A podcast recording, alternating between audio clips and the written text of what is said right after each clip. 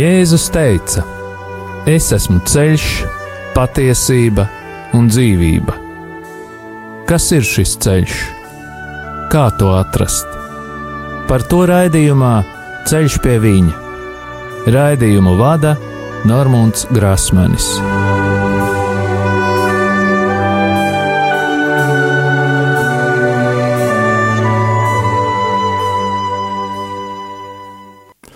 Lai ir slavēts Jēzus Kristus!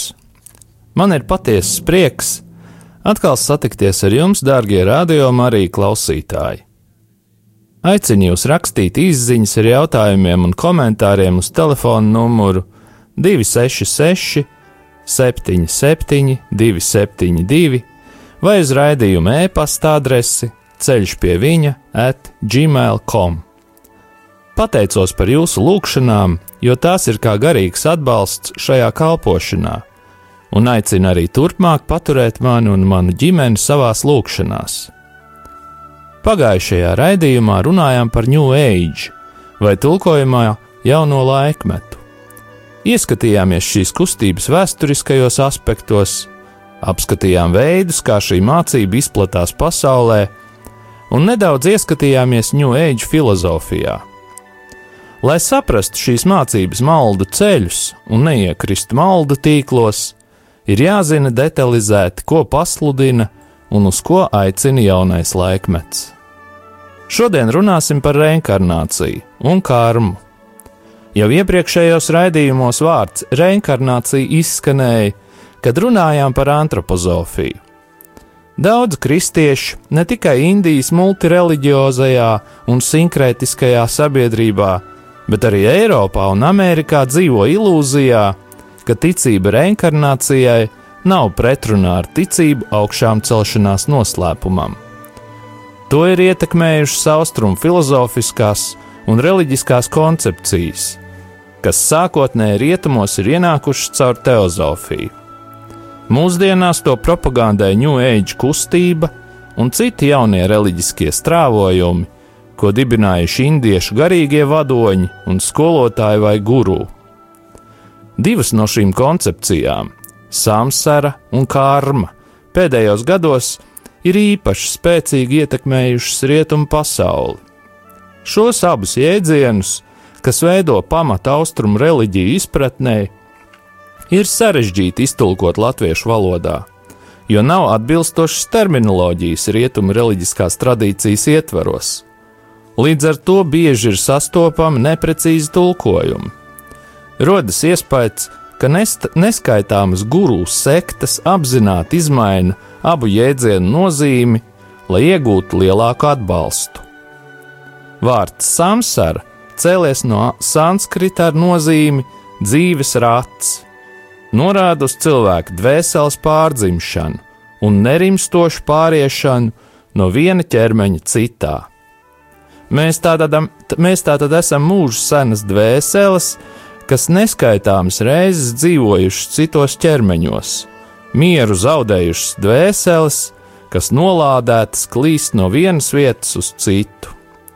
Šeit varam pieminēt arī Latviju, jo šī koncepcija tiek izmantota likteņdārza veidošanā koknesē, kur it kā vietu nu, kur, kur ir, ir vieta, kur satikties visām klīstošajām latviešu dvēselēm. Taču tīrā hinduistiskā mācība mēģina izvairīties no šīm nebeidzamā nāves un atzimšanas riņķojuma. Savukārt neohinduisti uzskata, ka reinkarnācija nav bezgalīgs riņķojums, lai attīrītos, veicot labus darbus. Viņuprāt, atzimšana ir iespēja iegūt jaunu dzīvi, un to darīt labāku par iepriekšējo. Tāpat vārds karma arī ir cēlies no sanskrita, ar nozīmi darīt vai darbība. Sākotnēji ar to apzīmēja hinduismu priesteru veiktu rituālu ar mērķi izraisīt viņa saulē jaunu pārdzimšanu. Agro upanišādu laikmetā no tā attīstījās jēdziens, kas apzīmē automātisku atmaksu par ikvienu cilvēku veiktu darbību. Šī izpratne acīm redzot balstās uz senseno cilvēcisko pieredzi, ka cilvēks ir pats savas laimes kalējs. Vispārēji ar karmu tiek saprasts iepriekšējā dzīvē paveiktais vai nepaveiktais, kas nosaka šī brīža sociālo stāvokli vai kastu, laimi vai nelaimi. Jēdziens karma līdz ar to ir cieši saistīts ar morālo vērtējumu. Laimīga jauna dzīve, atbilstoši moderno hinduistu izpratnē par karmu, tiek nodrošināta darot labu citiem. Tādējādi labais un ļaunais ir morālas vērtības, kas tuvas rietumnieciskajai domāšanai. Savukārt ortodoksālie hinduisti ar labiem darbiem saprot nevis karitatīvu darbību, bet gan izvairīšanos veikt savas vainas dēļ izraisītu sevis piesārņošanu, piemēram, apgānot reliģiskus priekšmetus vai kontaktējoties ar cilvēkiem no zemākām kastām.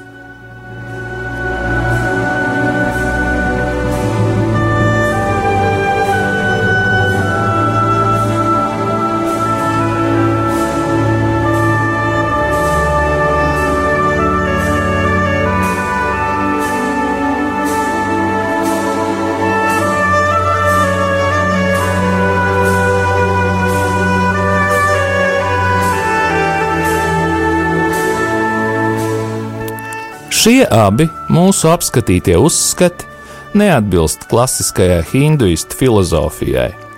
Hinduiski, hinduisti karmu saprot kā enerģiju, kas virza viņu darbību. Šeit karma tiek uzskatīta kā cilvēkam piemītošs dzīvības spēks, kas motivē viņa rīcību. No šī skatu punkta rīcība tiek motivēta ar egocentrismu, un, protams, nesot atbilstošus augļus. Savukārt šie augļi rosina individuālismu sajūtu un aicinājumu uz atkal atzimšanu, tātad samsāra.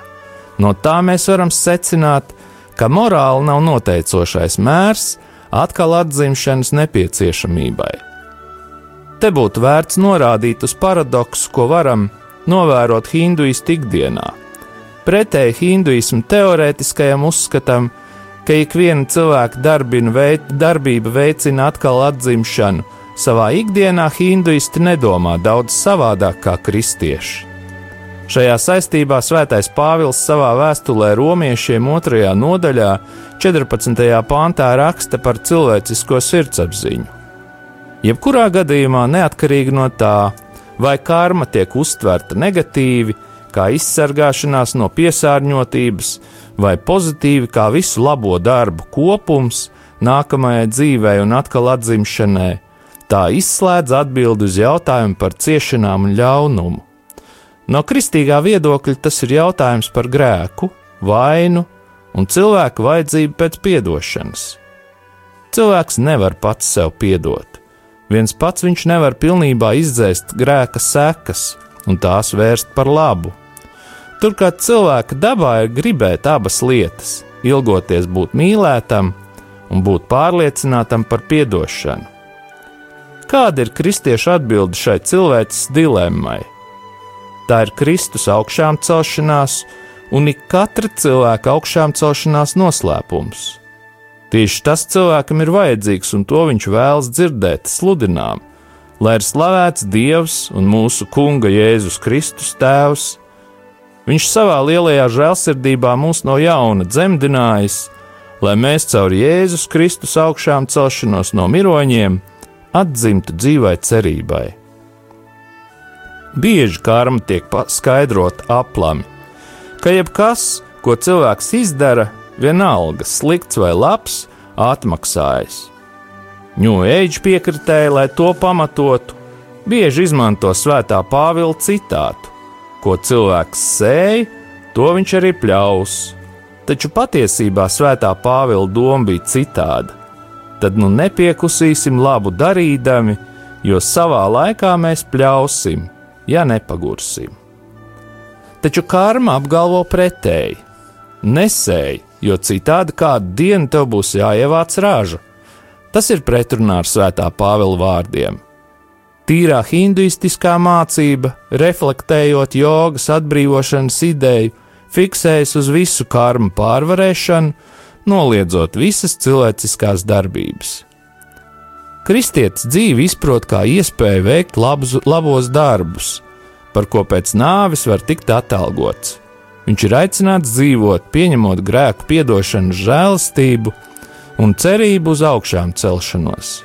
Šī kristībā cerība hinduistiem nav pazīstama.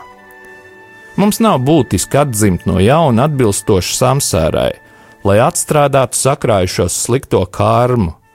Mums ir Dievs Tēvs, kurš sūtīs savu dēlu Jēzu Kristu, lai labprātīgi mums piedotu grēkus un atbrīvotu mūs no vainas, lai palīdzētu mums izturēt ciešanas un ikvienam apsolīt augšām celšanos.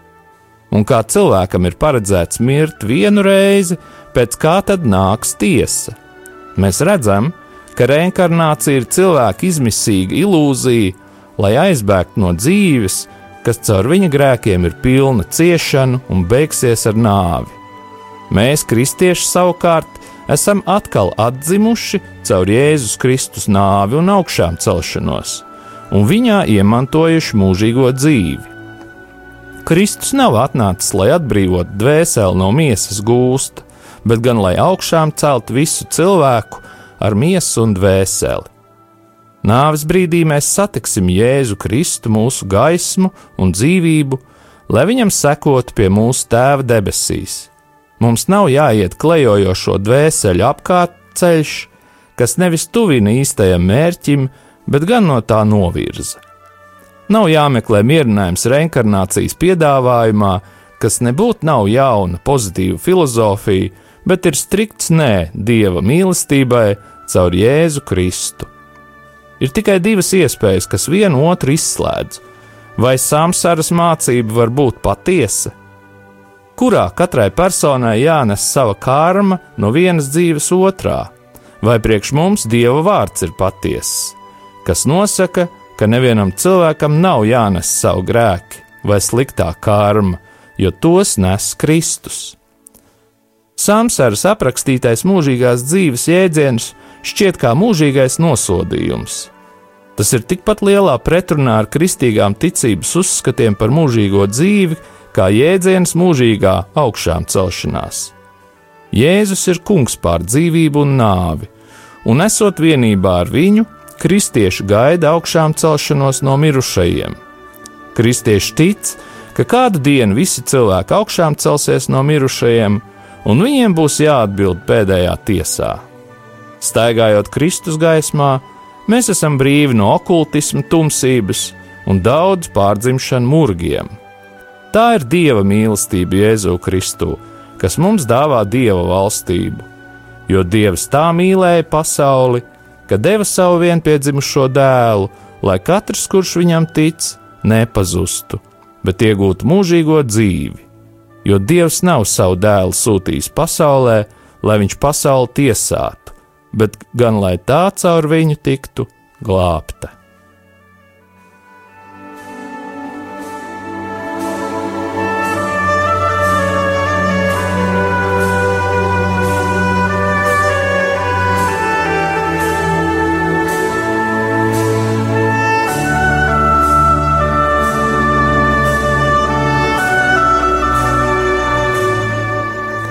Pagājušajā reizē mēs runājam par New Age filozofiju.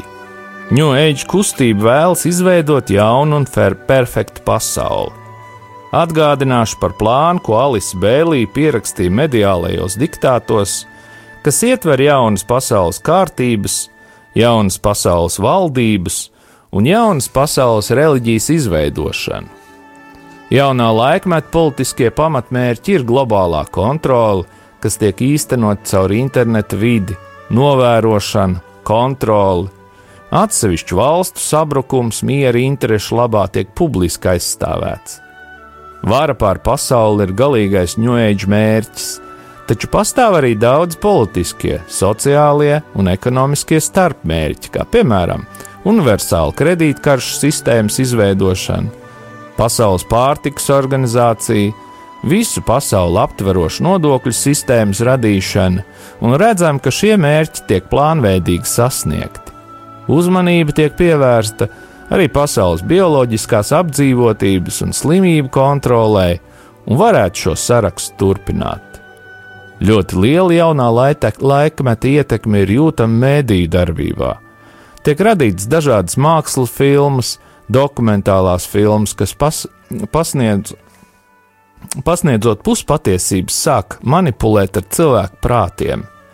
Reklāmas, mūzika, visdažādākie šovi pārpludina mediju telpu, tādā veidā cenšoties aizvest cilvēku no realitātes. Un nāks piekrist tam, ka diezgan labi izdodas. Šajā nedēļā runāja ar kādu kristieti, kur teica, ka gūts, gūst spēku no tādām filmām kā Avatars. Arī es esmu šo filmu skatījies, un jāsaka, godīgi pat divas vai trīs reizes. Es gan atkārtot skatījos, lai izprastu šīs filmas ietekmi uz manu garīgumu, un nāks piekrist, ka sižets ir ļoti aizraujošs, filma ir uzņemta labā kvalitātē, aktieru spēle un tērpi, un arī specifekti ir apbrīnojami. Taču ir viens bet, ko sludina šī filma? Kāda vēsts nāk mūsu zemapziņā, un kas ir tas spēks, kuru mēs gūstam no šāda tipa filmas? Skaidrojums ir, šī filma nes ar hinduismu vērtībām piepildītu informāciju, kas sāk darboties mūsu zemapziņā. Tādā pasakas stilā tiek parādīta dvēseli pāriemiesošanās, un es pamanīju, ka šī filma ļoti patīk maniem bērniem. Viņi pēc tam tēlēni izspēlē šīs filmas notikumus. Viņa emocijas pēc filmas ir pārmērīgi sakāpinātas un ir tendence ieiet tādā kā ekstāzē. Tas vien manī radīja aizdomas par šīs filmas garīgo ietekmi uz cilvēku. Un es neesmu no tiem cilvēkiem, kurš uzskata, ka televizors būtu jāizmet pa logu. Mēs arī nevaram norobežoties no pasaules, taču svarīgi būtu saprast katram priekš sevis vērtības, kuras virza mūsu dzīvi. Ja mēs paskatāmies šādu filmu kā pasaku, tad viss ir kārtībā. Taču, ja šāds mākslas darbs sāk ietekmēt mūsu garīgumu un vērtības, tad tas vairs nav tik labi. Rādījuma noslēgumā būs lūkšana. Taču tagad es vēlētos nedaudz pastāstīt par kādu terapeitisku nedēļas nogali, kur vadīs psiholoģija Ina Grasmane un mākslas terapeita Līga Rutule. Tematika šai nedēļas nogalē ir kā tikt galā ar aizvainojumiem, kuri graujoši ietekmē šodienu. Šī terapeitiskā nedēļas nogala notiks no 26. līdz 28. februārim Sārkaņos, rekolekciju namā. Šis ir maksas pakalpojums, jo programmu vada profesionāli terapeiti. Visu informāciju un pieteikšanos var izdarīt caur interneta mājaslapu mīlestības māja.lv.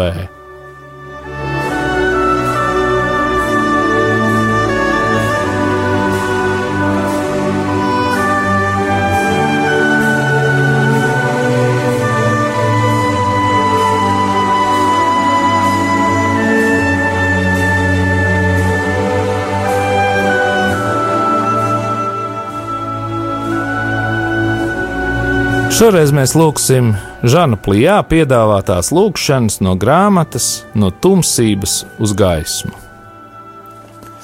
Mēs sevi apzīmējam ar krusta zīmi, tā apliecinot savu ticību krustā sistā Jēzus un visvētās trīsvienības pestīšanas spēku. Gods Dievam augstumos un miers virs zemes labas gribas cilvēkiem – Mēs tevi slavējam, teicam un pielūdzam, mēs tevi cildinām un tev pateicamies. Jo liela ir tava godība, kungs, debesu karali, Dievs visvarenais tēvs, Dievs vienpiedzimušais dēls, Jēzu Kristu. Tu, kungs, Dievs, Dieva jērs, Tēva dēls, tu nes pasaules grēkus apžēlojies par mums, tu nes pasaules grēkus, uzklausi mūsu lūgšanu. Tu sēdi pie tēva labās rokas, apžēlojies par mums. Vienīgi tu esi svēts, vienīgi tu esi kungs, tu visaugstākais kungs Jēzu Kristu. Ar svēto garu Dieva tēva godībā Āmen! Jēzu, mans kungs un mans dievs, es ticu, ka tu esi Dieva dēls, kurš kļuva cilvēks, Mēsija, caur kuru mums atnāca žēlastības un pestīšana, mūsu grēku izdzēšanai pie krusta, mirušais un vēlāk tēva augšām celtais un pagodinātais Kristus Jēzu. Tu izlēji savas asinis par mani, tu mani atpirki un izglābi. Tu esi gaisma, kas atspīd tumsībā, Dieva dēls, kurš atnācis, lai iznīcinātu vēlna darbus. Jēzu, es ticu, ka tu esi vienīgais vidutājs starp dievu un cilvēkiem, un tavs vārds ir pārāks par katru vārdu. Jēzu, tu esi dieva jērs. Tu esi augšām cēlies un dāvājis man jaunu dzīvību, dievišķo dzīvību pārpilnībā. Es dzīvoju caur tevi, Jēzu, un zinu, ka nemiršu, bet dzīvošu, lai liecinātu par kunga darbiem. Mēs ietērpjamies Kristū Jēzū, un tagad visi var piebiedroties atbildot: Esi slavēts Jēzu! Jēzu Kristu, mans kungs un mans draugs! Esi slavēts Jēzu! Jēzu Kristu, mans atbrīvotāji! Esi slavēts Jēzu! Jēzu Kristu, mans aizstāvi! Esi slavēts Jēzu! Jēzu Kristu, mans glābēji! Esi slavēts Jēzu! Jēzu Kristu, mana uzvara! Esi slavēts Jēzu! Jēzu Kristu, mana mīlestība! Esi slavēts Jēzu! Jēzu Kristu, mans mierinātāj, esi slavēts Jēzu. Jēzu Kristu, mana laime, esi slavēts Jēzu. Jēzu Kristu, mans spēks, esi slavēts Jēzu. Jēzu Kristu, mana autoritāte, esi slavēts Jēzu. Jēzu Kristu, mana apredzība, esi slavēts Jēzu. Jēzu Kristu, mans miers un prieks, esi slavēts Jēzu. Jēzu Kristu, mana mūžīgā slava, esi slavēts Jēzu. Jēzu Kristu, mans kungs un mans dievs, esi slavēts Jēzu. Lūksimies! Mūžīgais un visvarenais Dievs, Jēzu Kristu, tavā vienpiedzimušajā dēlā, tu mums devi atpestītāju un brīnišķīgu skolotāju. Ar viņa vārdu vienīgo, kas spēj glābt, ar viņa sāpīgajām ciešanām un slavas pilno augšām celšanos, tu mūs padarīji par ķēniņu bērniem, caur tavu svēto garu dāvā mums žēlastību pastāvīgi slavēt Jēzu Kristu, pielūgt viņu līdz ar svētajiem eņģeļiem, mīlēt viņu no visas sirds un pieredzēt viņa spēku, kas glābj un atbrīvo. Kopā ar svētīgo jaunavu Mariju un visiem svētajiem mēs tevi piesaucam Jēzu, mēs tevi slavējam, cildinām un pagodinām Āmen, Aleluja! Mēs nostājamies Jēzus nāceriešu miesā, atnākušā Dieva dēla krusta pakājē, un apklājam sevi ar viņa dārgajām asinīm. Mūs apspīd viņa gaisma. Mēs lūdzam Dieva jēra asins aizsardzību kā sev, tā visiem radio klausītājiem, lai viņa asins mūs šķīstī no mūsu grēkiem un vainām, un pasargā mūs no ikviena ļaunuma, uzbrukuma un tumsības gara iespaida. Lai Jēzus asins apklāj arī mūsu ģimenes, mūsu draugus, paziņas, namu, mantu un visu, kas mums pieder, lai Dieva gars mūs sedz ar visspēcības vairogu, lai Viņš atklāj šai vietā Kristus uzvaru lai aizraida sātanu projām no mums un aizliedz darboties ikvienam demoniskajam garam, nemiera cēlājam. Lai viss, ko mēs teiksim un darīsim, nāk no svētā gara iedvesmas un pamudinājuma.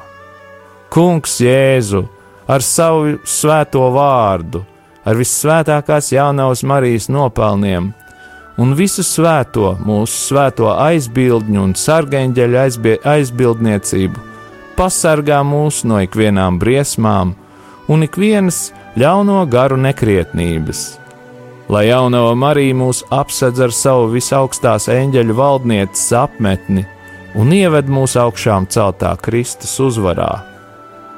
Svētais arcēnģeļa Miķeli aizsargā mūs šajā cīņā! esi mūsu palīgs pret dēmonu ļaunumu un slazdiem, lai Dievs atņem viņam jau kādu varu kaitēt jebkuram no radio klausītājiem.